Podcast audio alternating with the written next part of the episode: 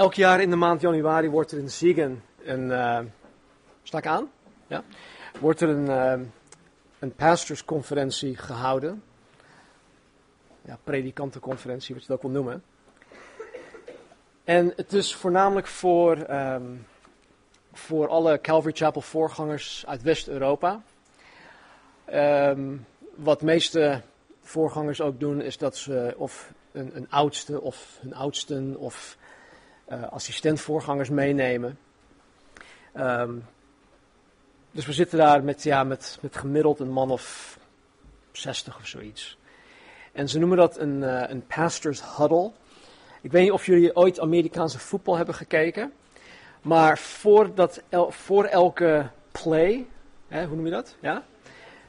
Nou, niet voor de wedstrijd, maar voor elke play die ze doen. Um, dan staan ze met, dan staan ze met z'n allen in een huddle. En dan, en dan, dan geeft de, de quarterback dus aan wat voor play ze gaan doen. Het is kind of, kind of a huddle. Dus dit is een soort van pastors huddle om met elkaar gewoon samen te staan. Om te bespreken, hart, van hart tot hart te delen wat, uh, wat God allemaal met ons aan het doen is, wat hij van ons verlangt. En het is uh, ja, ter, ter bemoediging van, van ons, van, van de voorgangers. Het is ter bemoediging, ter toerusting, tot opbouw. En um, ik, ik kom daar nu al sinds, ik denk 2006 denk ik. 2005 of 2006. Bijna elk jaar. En, en wat ik heb gemerkt is dat God elke keer weer tot ons spreekt. En dan is het niet zo omdat wij per se naar Zieken gaan, dat daar de glorie van de Heer is of zo. Nee, het is gewoon, wij nemen de tijd, we zetten die tijd apart, wij zoeken de Heer en God spreekt. God komt ons daarin tegemoet. En ja, hij spreekt tot ons door middel van de verschillende onderwijzingen die we daar krijgen. Hij spreekt tot ons door middel van gebed. Hij spreekt tot ons door middel van de groepsgesprekken. Want we hebben verschillende sessies en dan uh, hebben we ook bepaalde groepsgesprekken van alleen voorgangers. En dan alle anderen die zitten dan weer ergens in een andere ruimte. En spreek, dan bespreken we echt specifieke voorgangerdingen met elkaar. Uh, dus God spreekt ook door die dingen heen. Hij spreekt tot ons uh, door middel van de één op één gesprekken. Uh, tijdens ontbijt of lunch of diner. En we hebben altijd ook een tijd van het wachten op de Heer, waar we tijdens aanbidding gewoon wachten, schriftgedeeltes met elkaar delen en gebeden uitspreken. En misschien geeft God een woord van bemoediging of, of, of vermaning of iets dergelijks. Dus hoe dan ook, God spreekt.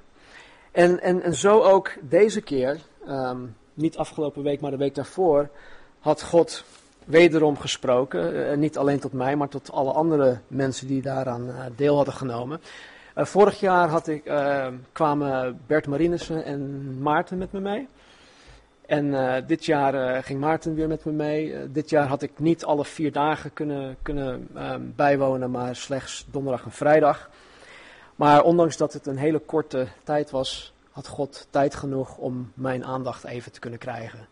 Nou, dus vanmorgen wil ik iets persoonlijks met jullie delen dat, dat God mij tijdens deze conferentie heeft laten zien.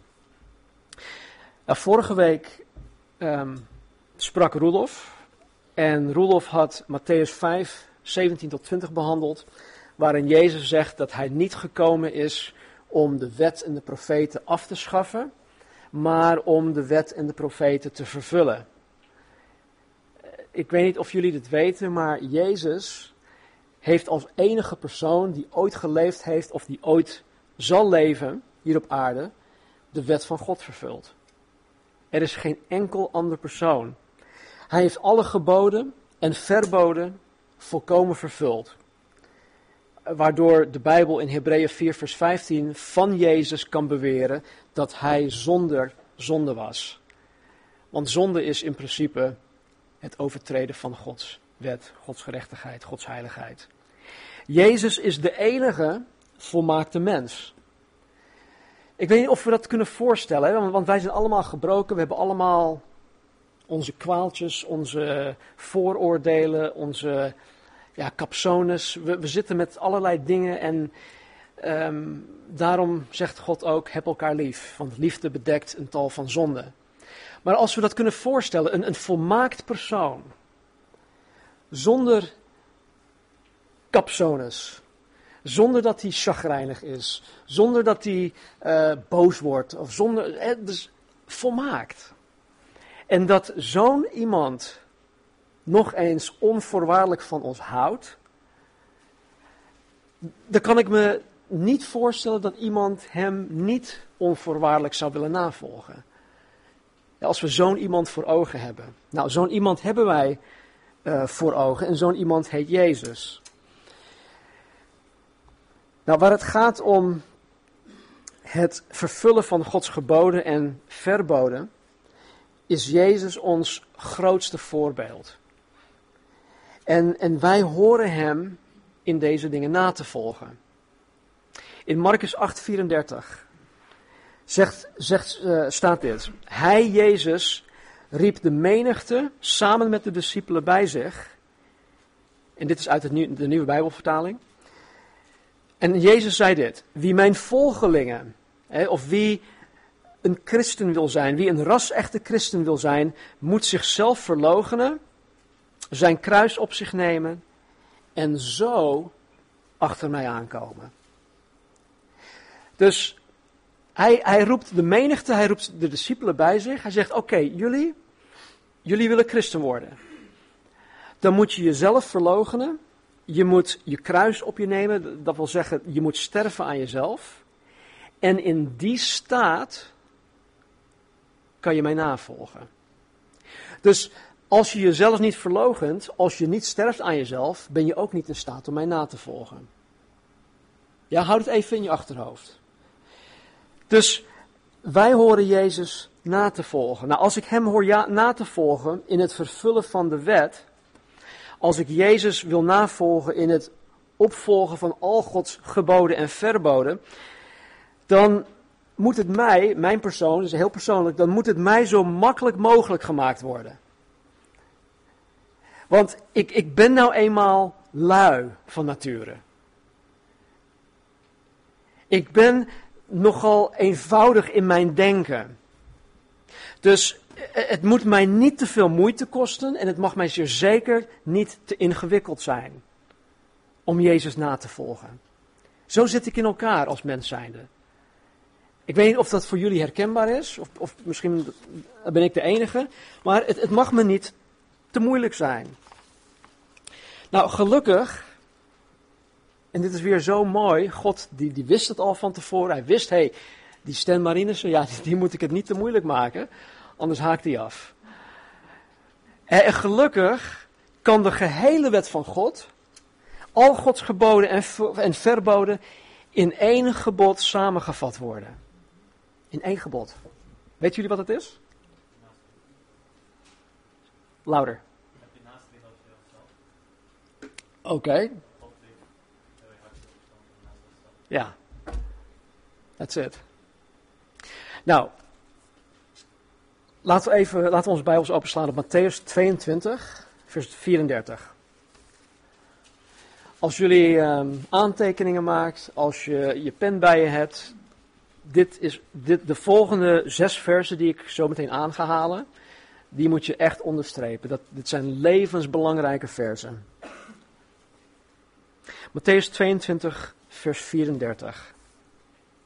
Toen de fariseeën gehoord hadden dat hij, Jezus, de Sadduceeën de mond gesnoerd had, kwamen ze bijeen.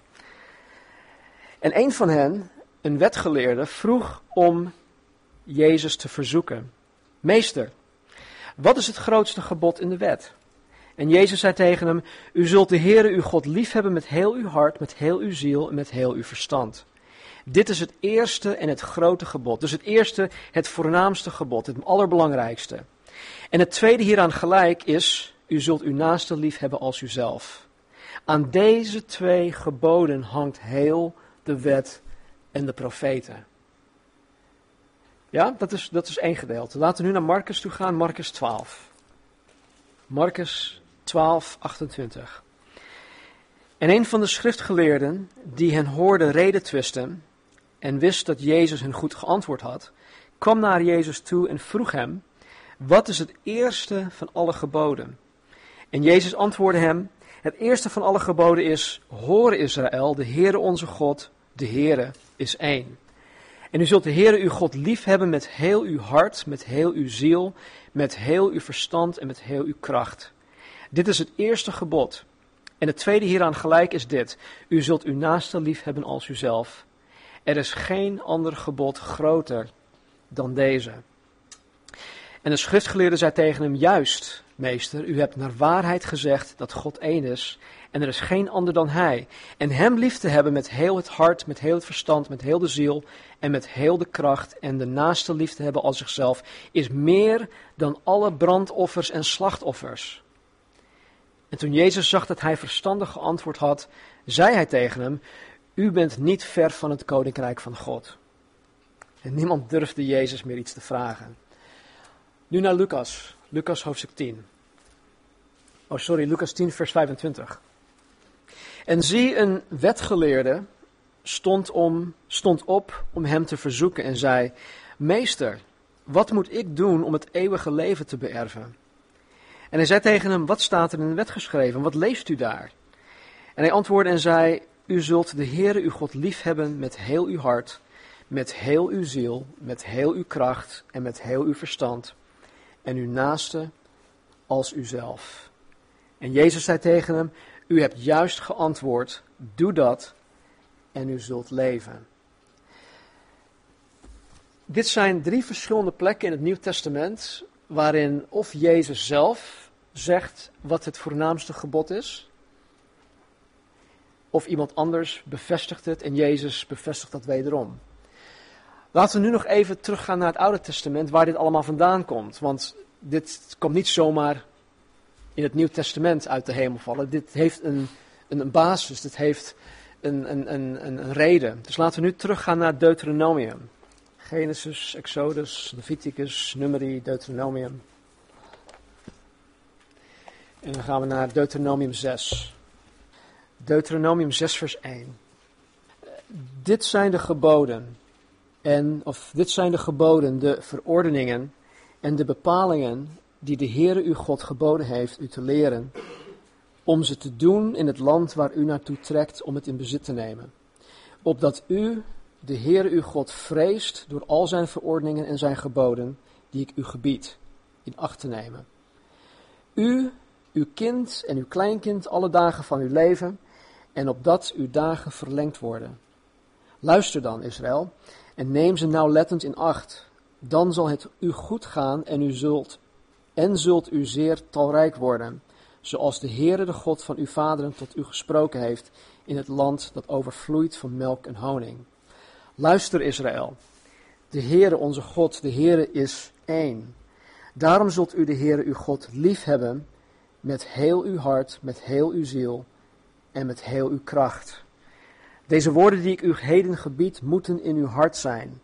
U moet ze uw kinderen inprenten en erover spreken als u in uw huis zit en als u over de weg gaat, als u neerlegt en als u opstaat. Dus hier zien wij dat God via Mozes tot de kinderen van Israël spreekt. Luister Israël, de Heere onze God, de Heere is één. Daarom zult u de Heere uw God lief hebben met heel uw hart, met heel uw ziel, met heel uw kracht. En dan zegt hij, deze woorden die ik u heden gebied, moeten in uw hart zijn. Het is een hartskwestie. Het is geen verstandskwestie, maar het is een hartskwestie. Oké, even verderop naar hoofdstuk 10. Hoofdstuk 10, vers 12. Nu dan Israël, wat vraagt de Heer uw God van u? Dan de Heere uw God te vrezen, in al zijn wegen te gaan, hem lief te hebben en de Heere uw God te dienen met heel uw hart en met heel uw ziel. Dus hier zien we een, een, een oproep van God tot de kinderen van Israël om God lief te hebben, om God met heel hun hart en met heel hun ziel te dienen. En dan als laatste Deuteronomium hoofdstuk 30. Deuteronomium vers, uh, eh, 30 vers 6. De Heere uw God zal uw hart en het hart van uw nageslacht besnijden, om de Heere uw God lief te hebben met heel uw hart, met heel uw ziel, zodat u leven zult. Weet je, dat vind ik wel apart wat hij hier zegt, hè? Dat, dat God hun hart en het hart van hun nageslacht zal besnijden. Weet je, besnijdenis, dat heeft te maken met het, het, het vernietigen van het vlees. En dit is gelijk aan wat Jezus ook zegt, wanneer Jezus de menigte en de discipelen oproept om hem na te volgen. Hij zegt, oké, je wil me navolgen, prima, maar dan moet je eerst jezelf verloochenen en je moet je kruis opnemen. En dan pas ben je in staat om me na te volgen. En hier zegt God, hey, ik ga je hart en het hart van je nageslacht besnijden om de Heere uw God lief te hebben met heel uw hart, met heel uw ziel, zodat u leven zult. Dus hier zegt God dat hij eigenlijk hetzelfde gaat doen. Hij, hij, wil het vlees, het eigen ik, wil hij eerst vernietigen voordat mens, de mens in staat is om van God te houden met heel hun hart, verstand, ziel en kracht. Nou, nogmaals, eh, onderstreep al deze versen, leer ze desnoods uit je hoofd. Heel belangrijk. In mijn uh, gebeden voor de conferentie. Ik had op weg ook uh, de tijd. Ik uh, zat vier uur in de auto. Dus ik had tijd zat om, uh, om te bidden. Maar in mijn gebeden voor deze conferentie vraag ik altijd aan God of Hij mij, mij dingen wil laten, wil laten zien. Hè? Dat, dat God echt specifieke dingen aan mij laat zien. Dat Hij tot me spreekt. de vragen waarmee ik zit, dat Hij, deze, dat hij daarop antwoord geeft. dingen bijvoorbeeld die mijn persoonlijke relatie met Hem aangaan. Heer, laat me alsjeblieft zien waar ik, waar, ik, eh, waar ik u faal, waarin ik faal, waar ik nog tekort schiet. Heer, laat me zien wat voor zonde ik moet afleggen. Laat me zien alsjeblieft eh, wat ik nog, wat ik nog kan doen of wat nog meer ik, ik moet doen om, om mijn relatie met u te verbeteren. Ik vraag God uh, dingen die mijn relatie met mijn vrouw aangaan. heer, hoe kan ik Marnie in de praktijk meer liefhebben? Hoe kan ik haar liefhebben zoals Christus de gemeente lief heeft? Hoe ziet dat eruit, Heer? Laat het me alstublieft zien. Ik vraag God om dingen die mijn gezin aangaan. Eh, dingen die mijn bediening als, als voorganger aangaan. Ik vraag God om mij dingen te laten zien die, die de gemeente aangaan.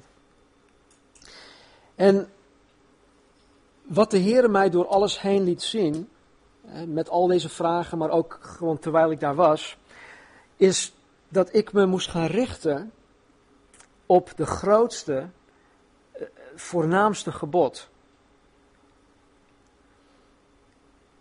Het grootste gebod in de hele Bijbel. En dat is wat we vandaag net gelezen hebben.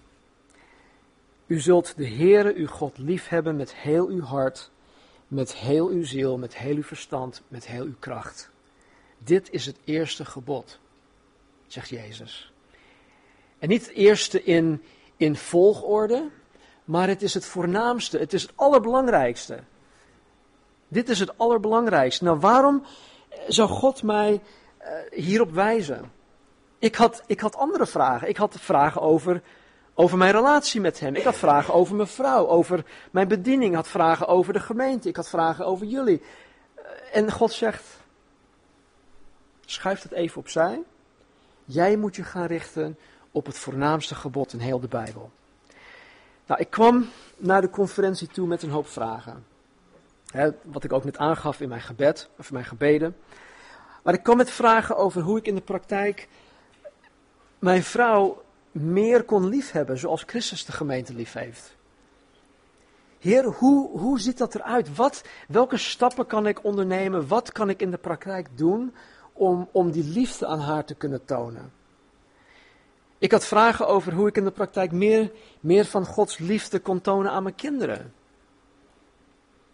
Weet je, soms is het veel makkelijker om jullie liefde te tonen dan mijn eigen kinderen. En ik worstelde echt met, met niet met, met al, al mijn kinderen, maar soms is het die, soms is het die. Weet je, dat, dat wisselt van tijd tot tijd. Maar op dit moment worstelde ik zo enorm met, met de vraag van, Heer, hoe kan ik haar uw liefde laten zien? Hoe? Ik, ik, ik, ik weet het niet, Heer. Hoe, hoe kan dat? Ik had vragen over hoe ik in de praktijk meer liefde kon krijgen voor verlorenen. De verlorene mensen om me heen, in mijn, in mijn leefwereld. Hoe kan ik meer liefde voor deze mensen krijgen? Ik had vragen over wat ik in de praktijk moet doen om minder aan mijn vlees toe te geven. Om minder te zondigen. Ik had nog een hoop andere vragen.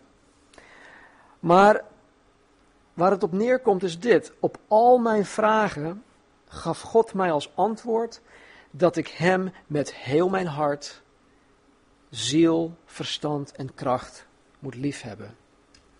Dus om van, meer, of om, om, om van Marnie meer te gaan houden zoals Christus zijn, van zijn gemeente houdt, om die liefde aan Marnie in de praktijk te kunnen tonen, zou ik als eerste meer van God moeten gaan houden. Als ik in de praktijk meer van Gods liefde wil tonen aan mijn kinderen, als ik meer liefde wil krijgen voor de verlorenen om me heen, als ik uh, gewoon meer uh, overwinning wil hebben over mijn, mijn, mijn, mijn zonde, over mijn, mijn, mijn, mijn, mijn, ja, mijn vlees, dan zou ik als eerste meer van God moeten gaan houden. Daar kwam het op neer. Kortom, alles dat God van mij vraagt, alles dat Gods woord mij gebiedt of verbiedt, zal ik beter gaan doen naarmate ik meer van God ga houden met heel mijn hart, met heel mijn ziel, met heel mijn verstand, met heel mijn kracht. Nou, nadat God mij dit enigszins duidelijk had gemaakt, hè, want ik ben soms traag in het van begrip. En soms dringen dingen niet echt tot me door, of althans niet snel. Maar God had het enigszins duidelijk kunnen maken. En toen hij dit deed, dat ik me daarop moest gaan richten, was ik enerzijds gewoon zo opgelucht. Ik was heel opgelucht. Ik was opgelucht omdat ik als een lui en eenvoudig denkend mens me niet zozeer moest gaan richten op al de dingen waarin ik me wilde verbeteren. Jullie die uh, in het arbeidsproces zitten, die een baan hebben, of die ooit een baan hebben gehad, jullie weten waarschijnlijk wel wat een pop is. Ja? En dan heb ik het niet over een pop, maar een, met mooi haar, nee, een persoonlijk ontwikkelingsplan. En dat komt vanuit Human Resources, uh, personeelzaken. En dat is een ontwikkelingsplan. En dan moet je invullen. En dan moet je kijken naar je zwakheden. Waarin wil ik me ontwikkelen? Bla bla bla. Nou. Ik was zo opgelucht omdat God eigenlijk tot me zei van Stan. Ik wil, ik wil geen persoonlijk ontwikkelingsplan met jou doornemen. Ik wil dat jij van mij gaat houden met heel je hart, met heel je ziel, met heel je verstand en met heel je kracht. Is dat makkelijk genoeg voor jou? Ik wil het je makkelijk maken, Stan. Dus nu hoef ik me voornamelijk bezig te houden met het liefhebben van God. Slechts één ding, één gebod. Zeg ik, oh heer, wat een opluchting. Geen stress meer. Ik hoef me niet druk te maken van, oh, wat moet ik allemaal doen om, om, om, om Efeze 5 waar te maken. Om alle geboden en verboden waar te maken. Maar goed, dat drong tot me door. Ik was enerzijds opgelucht, maar nu, nu zat ik met een hele andere vraag. En want dit lijkt best wel abstract. Van God houden. Met heel mijn hart mijn ziel, mijn verstand en kracht. Oh ja, dat wil ik wel. Maar dat, dat is een heel abstract iets. Hoe ziet dat er in de praktijk uit? Hoe doe ik dat? Nou, gelukkig heeft God niet alleen gezegd: U zult de Heere uw God lief hebben. Punt uit. Nee, God zegt: u zult de Heer uw God lief hebben met heel uw hart, met heel uw ziel, met heel uw verstand en met heel uw kracht. Dus nu weet ik het.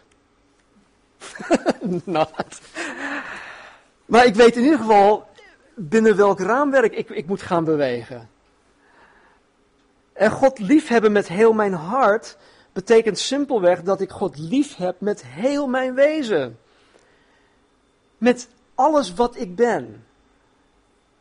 Met elk vezel van mijn wezen hoor ik van God te houden. Vanuit het diepst van mijn, van mijn binnenste hoor ik van God te houden. Nou, dit, het, het, het liefhebben van God met heel mijn hart, dat komt tot uiting door God lief te hebben met heel mijn ziel, met heel mijn verstand en met heel mijn kracht. God liefhebben met mijn ziel betekent dat ik God lief heb met mijn emoties, met mijn verlangens, met mijn, met mijn drangen. Als ik meer voel, emoties, gevoelens, als ik meer voel voor mijn vrouw dan voor God, dan heb ik mijn vrouw meer lief dan dat ik God lief heb. Als ik meer voel voor mijn vrienden, of als ik meer voel voor uitgaan, of mijn hobby's, of voor sporten, of het internet, of op vakantie gaan, of het, welke entertainment dan ook, dan heb ik deze dingen meer lief dan dat ik God lief heb. Kortom, waar ik het meest zin in heb, waar ik het meest zin in heb, dat heb ik lief met heel mijn ziel. Dus de vraag is, waar hebben wij het meest zin in? Waar kan ik je voor wakker maken? Waar je het meest zin in hebt, waar je wakker voor gemaakt kan worden, dat heb je lief met heel je ziel. Het, het wordt makkelijker, hè? Het wordt, wordt iets meer concreet, toch? Oké. God lief hebben met heel mijn verstand betekent dat ik God lief heb in mijn, in mijn gedachten. En in hoe ik mijn gedachten ook laat beïnvloeden. Dit is gericht meer op de mannen. Maar als ik ergens een mooie vrouw tegenkom, dan kan ik in mijn gedachten allerlei dingen met haar uithalen. En want het, het menselijk um, verbeeldingsvermogen is tot heel veel in staat. En als ik daaraan toegeef, dan, dan, dan heb ik mijn, mijn lust, dan heb ik mijn fantasie, mijn verbeelding veel meer lief dan dat ik God met heel mijn verstand lief heb. Want ik laat die gedachten in mij, ik, ik, ik, ik, geef toegang tot die gedachten. Ik ga in mijn gedachten ga ik dingen ja, verzinnen. Mijn verbeelding die, die speelt daar een grote rol in. En dan heb ik, als het ja, toch heel zwart-wit, dan heb ik dat veel meer lief dan dat ik God lief heb. Als ik slechte gedachten over, gedachten over iemand koester, of als ik de leugens van de Satan over iemand geloof, dan heb ik deze gedachten en leugens meer lief dan dat ik God met heel mijn verstand lief heb. Als ik mijn gedachten laat vullen of laat beïnvloeden door goddeloze praat van goddeloze vrienden, of door slecht advies van welmenende mensen, of wereldsmuziek, films, tv-series, noem het maar op, welke media dan ook, dan heb ik deze dingen meer lief dan dat ik God met heel mijn verstand lief heb. Want ik laat mezelf door deze dingen beïnvloeden. En de dingen die ik me laat, de dingen waardoor ik me laat beïnvloeden in mijn gedachten, dat heb ik lief met heel mijn verstand. Daarentegen, als ik mijn gedachten laat vullen of beïnvloeden door Gods woord, door om te gaan met christenen, door om te gaan met positieve christenen, door preken te beluisteren waarin de gezonde leer gebracht wordt, eh, door zoals de Bijbel zegt, dag in en dag uit te mediteren op Gods woord, dan heb ik God lief met heel mijn verstand. Want dan ben ik met de dingen van God in mijn gedachten bezig. En weet je hoe wij veranderen? De Bijbel zegt in Romeinen 12, uh, vers 2, dat wij hervormd moeten worden door het vernieuwen van ons denken. En het woord van God vernieuwt ons denken. De geest van God vernieuwt ons denken. Eh, als ik bijvoorbeeld denk van, ja joh, ik, ik hoef niet elke zondag naar de kerk toe te gaan. Dat kan ik oprecht menen. Ik, ik kan ervan overtuigd zijn dat dat niet echt hoeft.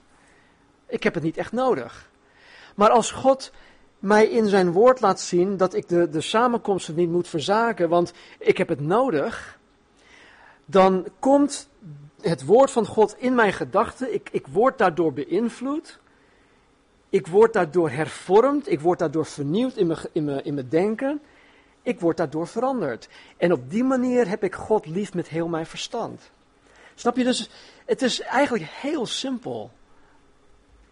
Het is zo simpel. God liefhebben met heel mijn kracht betekent dat ik God lief heb met het vermogen en de bekwaamheid die ik heb. Die ik heb. Ik ben een klein mannetje. Ik kan geen 200 kilo tillen. En al wil ik, kan ik die speakers niet op de standaard krijgen. Ten eerste ben ik te, kort, maar ik heb de kracht ook niet. Dat laat ik aan die, die, die sterke Hollandse jongens over. En maar goed, dat, dat verlangt God ook niet, niet van mij. Hij verwacht dat ook niet van mij. Want het ligt niet binnen mijn vermogen, het ligt niet binnen mijn bekwaamheid. God verwacht van mij dat ik Hem lief heb in hoeverre ik in staat ben om Hem lief te hebben. Ja? God verwacht van mij dat ik Hem lief heb in hoeverre ik in staat ben om Hem lief te hebben. Hij verwacht niet meer van mij, maar Hij verwacht ook niet minder. Als ik bijvoorbeeld lichamelijk en geestelijk gezond genoeg ben om s'morgens vroeg op te staan, om tijd met God door te brengen in gebed, door de Bijbel te lezen, weet je, dan verwacht God dat gewoon van mij.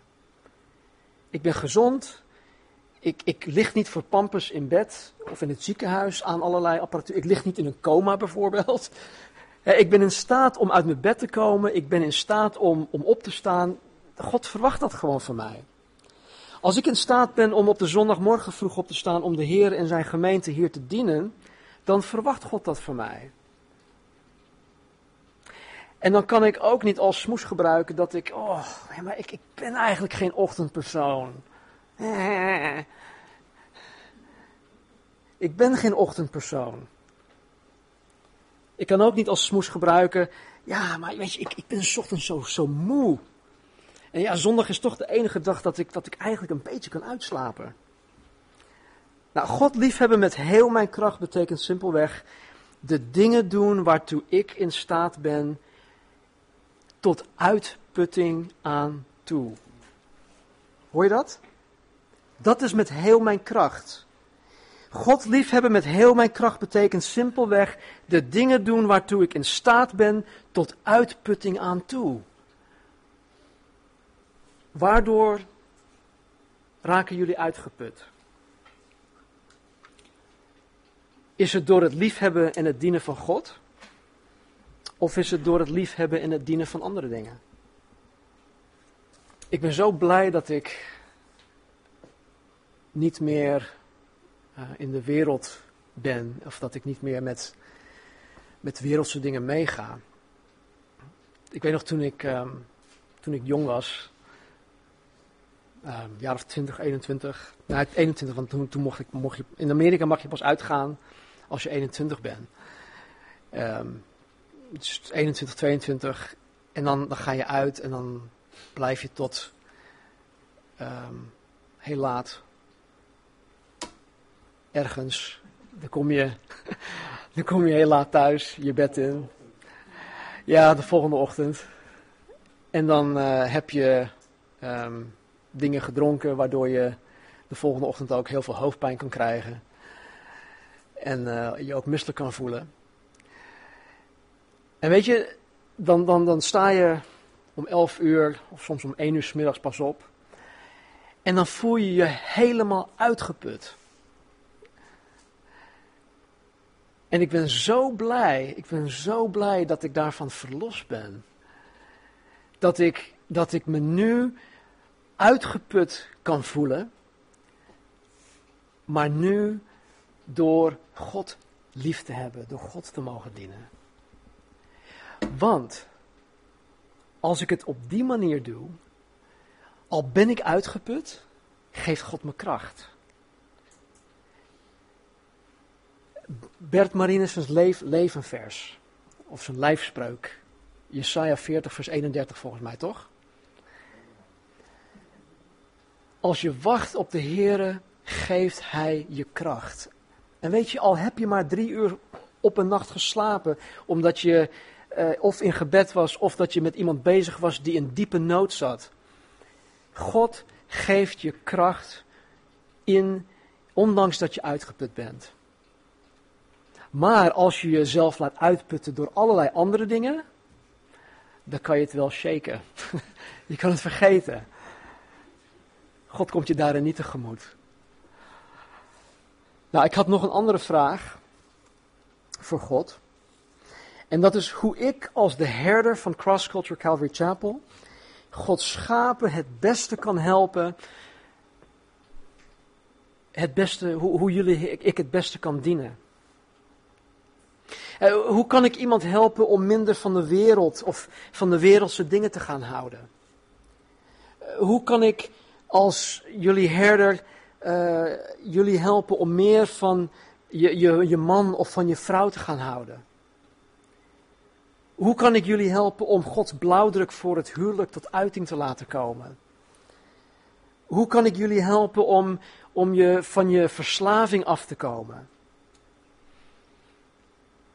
Hoe kan ik jullie helpen om in te zien dat, dat seks buiten het huwelijk door God afgekeurd wordt?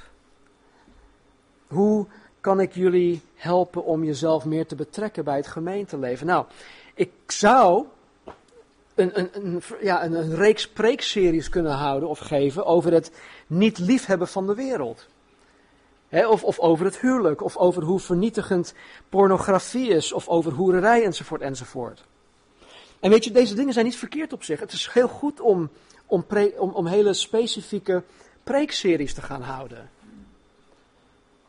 Maar de Heere sprak heel nadrukkelijk tot mijn hart en hij zei dat het voornaamste is niet het preken tegen deze dingen, maar om zijn kinderen te helpen, om jullie te helpen, om hem te leren liefhebben met heel je hart, ziel, verstand en kracht.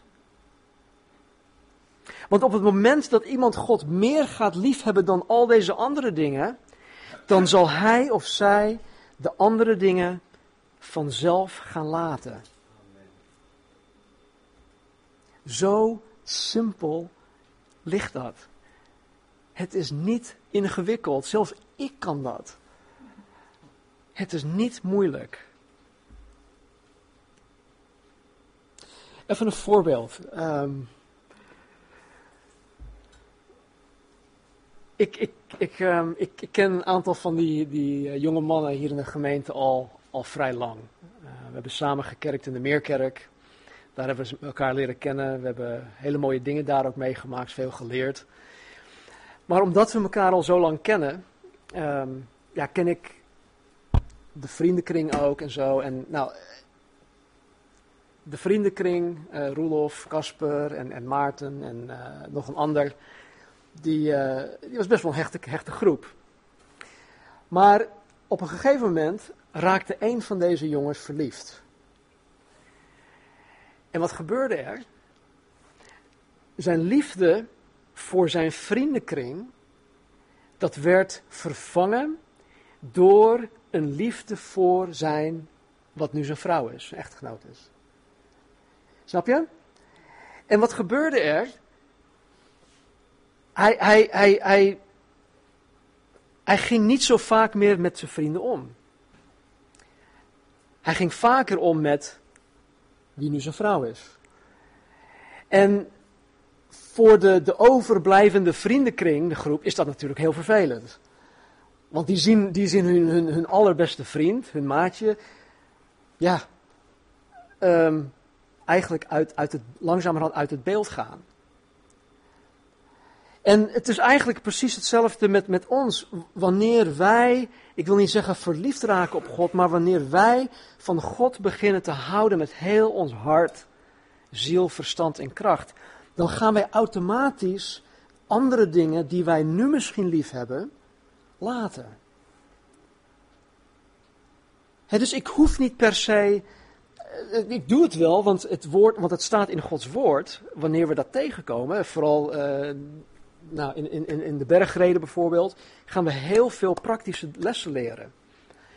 Maar ik hoef niet per se tegen zonde te spreken. Ik hoef niet per se, ehm, eh, hoe zeg je dat? Fire and brimstone. Hel en verdoemenis te preken.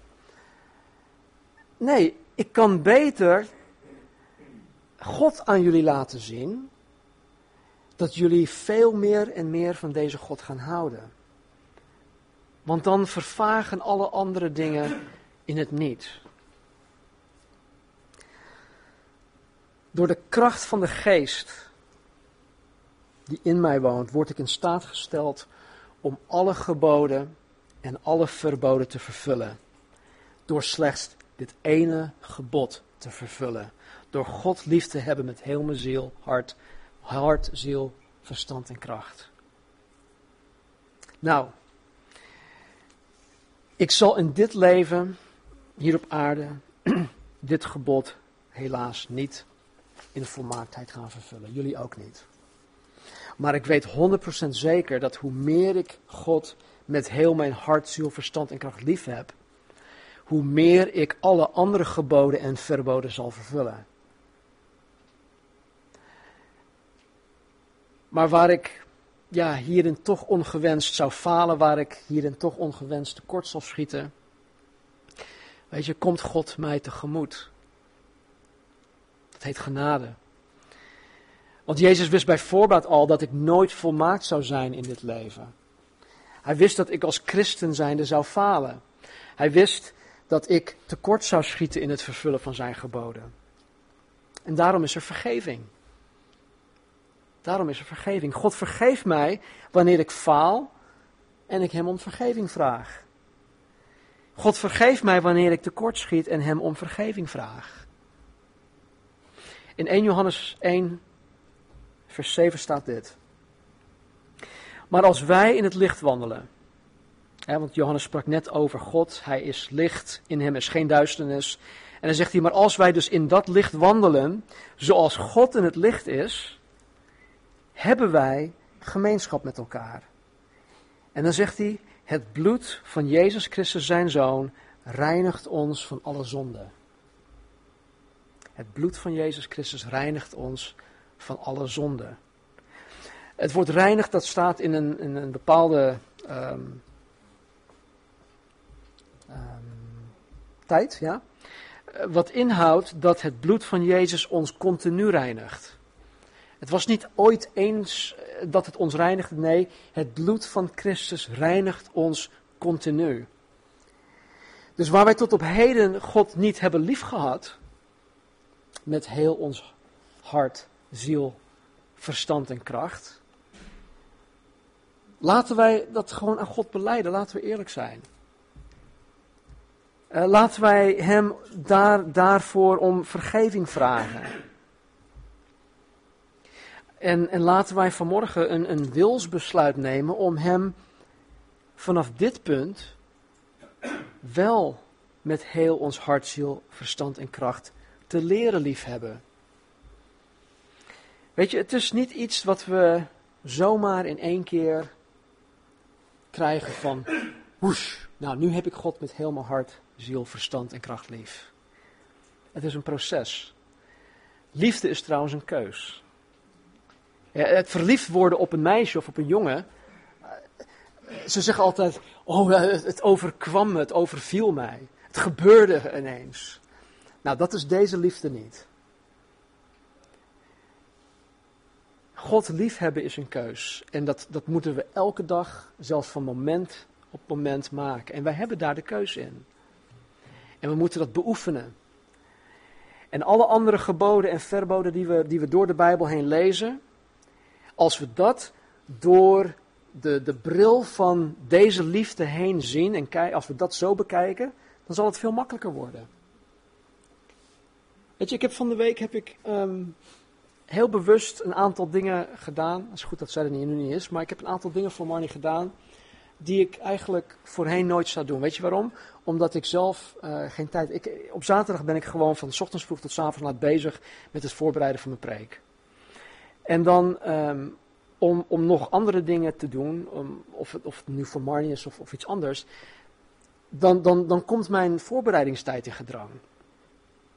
Dus ik, op zaterdag ben ik eigenlijk gewoon waardeloos voor Marnie. Maar gisteren heb ik gewoon gezegd van nee heer, oké, ik, ik, ik, ik wil van u houden. En omdat ik van u wil houden, ga ik ook praktische dingen voor Marnie doen. En ik vertrouw erop dat u mij in mijn voorbereidingstijd tegemoet gaat komen. En want ik doe dit niet voor, voor mijn eigen plezier. Ik, ik doe dit voor u. Uiteindelijk heb ik er zelf baat bij. Maar ik, ik, ik, ik zet toch een stap in geloof. Heer, help me alstublieft. Nou joh, ik, ik, ja, het was zo fijn. Ik, ik, ik vond er, ik, ik, ja, het was zo'n genot om gewoon iets liefs te doen voor haar. En het was weer, ook weer zo'n genot om dan te zien dat, um, dat God mij toch hierin tegemoet kwam. Of toch, dat God mij hierin tegemoet kwam door mijn preek vanmorgen af te kunnen hebben. En weet je, dus als je, als je zoiets hebt van ja, nou dat wil ik allemaal wel, maar, weet je, alles wat achter de maar komt, dan moet je, dan moet je weggooien. Want God is in staat om, al, om voor al die dingen te zorgen. Laten we bidden. Vader, ik dank u voor het feit dat u een levende God bent en dat u de God van de levende bent. U bent de God van Abraham, Isaac en Jacob. U bent onze God en u leeft. En Jezus, u bent uit de dood opgestaan. U bent opgevaren naar de hemel. Heer, u zit aan de rechterhand van de Vader, waar u continu voor ons pleit. En Heer, u spreekt tot ons door uw woord, door gemeenschap, Heer, met u, met uw geest, door gemeenschap met elkaar, Heer. U spreekt ook tot ons door andere christenen heen, geestvervulde christenen. En ik zie dat dagelijks in mijn leven, Vader dat u tot ons spreekt door uw woord, door uw geest, door elkaar, door de gemeente. En zo ook vanmorgen, Vader, dank ik, dank, dank ik u dat u ja, wederom tot ons gesproken hebt. Dank u wel, Heer, dat u mij erop gewezen hebt dat ik me niet zozeer um, ja, moet, moet, moet stressen over een soort van persoonlijk ontwikkelingsplan. Maar dat u het mij zo moeilijk hebt, hebt gemaakt. Heren, dat ik maar één gebod hoor na te volgen. Hoor te vervullen. En dat is u met heel mijn hart, met heel mijn ziel, met heel mijn verstand, met heel mijn kracht lief te hebben. Heren, help ons u beter te leren kennen, zodat we dat ook meer zullen gaan doen. We hebben u nodig, Heer. En Vader, vergeef een ieder van ons alstublieft, Heer, waarin wij tekort eh, geschoten hebben, waarin wij gefaald hebben. Want Heer, we doen dit niet in volmaaktheid. We zijn gebroken mensen. Wij weten soms misschien niet eens hoe wij dit moeten doen, hoe dit in de praktijk te brengen, hoe, hoe dit er in de praktijk uitziet. Dus Heer, help een ieder van ons om het ons dagelijks gebed te maken om ons te leren hoe wij van U kunnen houden met heel ons hart, ziel, verstand en kracht. Laat dat een vast gebed van ons worden. Om van U te houden. Want Heer, dan zal alle andere dingen, zullen alle andere dingen op zijn plaats vallen. En zo Heer, wanneer we vanmorgen ook deelnemen aan het heilige avondmaal, herinner ons eraan dat wij vergeven zijn, dat vergeving uh, ons gegeven is, niet alleen vanuit een juridisch aspect, maar ook in onze gedachten. Hier ook in onze, ja, de schuldgevoelens die wij met ons meedragen. Here, er is vergeving. Jezus, u bent voor ons gekomen om ons te vergeven. Dus help ons, heren, om uw vergeving toe te eigenen. Laat de Satan ons niet verhinderen. Laat onze eigen schuldgevoelens u niet verhinderen. Laat niets ons belemmeren, belemmeren om uw vergeving, heren, te aanvaarden. Zegen ons, Heer. En help ons om u te zien voor wie u bent. Dank u wel. U bent zo geweldig goed. In Jezus' naam. Amen. Wij gaan zo meteen het heilige avondmaal doen. Um, ja, zoals we dat normaal gesproken ook doen, zou ik zeggen, neem de tijd vanuit je eigen plek gewoon met God te praten.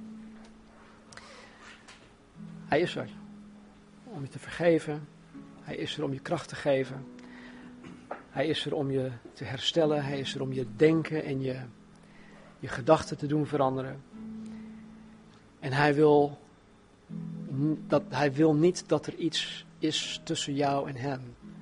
Dus maak gebruik van de gelegenheid. En zal ik zo meteen de deksels ervan afhalen wanneer je er klaar voor bent. Kom, neem, uh, of haal de, de elementen op. Uh, ik wil deze keer nog ja, jullie vragen om te wachten met het um, nuttige ervan. Dat we dat gezamenlijk doen. En dan kom ik straks weer naar voren toe om dat uh, in te leiden. Ja? Dus neem de tijd. In uh, Matthäus 11, beginnend bij vers 25, staat dit. In die tijd antwoordde Jezus en zei: Ik dank u, Vader, Heer van de hemel en van de aarde, dat u deze dingen voor wijzen en verstandigen verborgen hebt en ze aan jonge kinderen hebt geopenbaard. Ja, Vader, want zo was het u wel behagen. Alle dingen zijn mij overgegeven door mijn Vader. En niemand kent de zoon dan de vader en niemand kent de vader dan de zoon. En hij aan wie de zoon het wil openbaren. Kom naar mij toe, zegt Jezus, allen die vermoeid en belast bent, en ik zal u rust geven. Neem mijn juk op u en leer van mij, dat ik zachtmoedig ben en nederig van hart. En u zult rust vinden voor uw ziel, want mijn juk is zacht en mijn last is licht. Weet je, nogmaals, God wil het ons niet moeilijk maken. Hij komt ons op alle fronten tegemoet. Zijn juk is zacht. Dat betekent dat wij het om kunnen doen, dat het comfortabel is, dat het geen last is, dat het geen pijn doet. En hij zegt, mijn last is licht. Het is alsof je helemaal geen last hebt. Zo licht is dat. En die Jezus zegt, kom tot mij. Allen die vermoeid en belast bent, ik zal u rust geven. Weet je, en ik, ik geloof dat, dat sommigen van ons misschien best wel een last met ons meedragen. En misschien hebben wij het van de week of van de afgelopen weken gewoon helemaal verprutst. Misschien heb je zoiets van, nou joh, eh, ik, ik weet eigenlijk niet meer of, of God wel met mij verder kan. Jezus zegt, kom naar mij toe. Allen die vermoeid en belast zijn. En ik zal je rust geven. Dus kom tot Jezus. In 1 Johannes 5, vers 1 tot 3 staat: Ieder die gelooft dat Jezus de Christus is, is uit God geboren. Dan ben je wedergeboren, dan ben je een christen. En ieder die hem lief heeft, die geboren deed worden, het is God, heeft ook lief wie uit hem geboren is. Dus als wij degene die ons tot wedergeboorte heeft gebracht, als we hem lief hebben, dan hebben we elkaar automatisch lief. Het kan niet anders. Dat is het natuurlijk gevolg daarvan. En hieraan weten wij dat wij de kinderen van God lief hebben, wanneer wij God lief hebben en zijn geboden bewaren. Want dit is de liefde tot God, dat wij zijn geboden in acht nemen en zijn geboden zijn geen zware last. Mensen, mogen de Heer jullie deze week zo bemoedigen en, en kracht geven en en die last van je wegnemen. Dat je Hem zult leren kennen zoals Hij is, meer en meer. Zodat je Hem ook meer en meer zult liefhebben. Dat dat de, de hoogste prioriteit in je leven zal zijn. En laat vandaag daartoe een begin zijn, een nieuw begin. Dus wees erin gezegend. Wees elkaar een zegen of voor elkaar een zegen. En ehm, geniet zo meteen nog van de koffie, de thee, de fellowship. Geniet van het prachtig weer. En uh, God zegen jullie. Amen.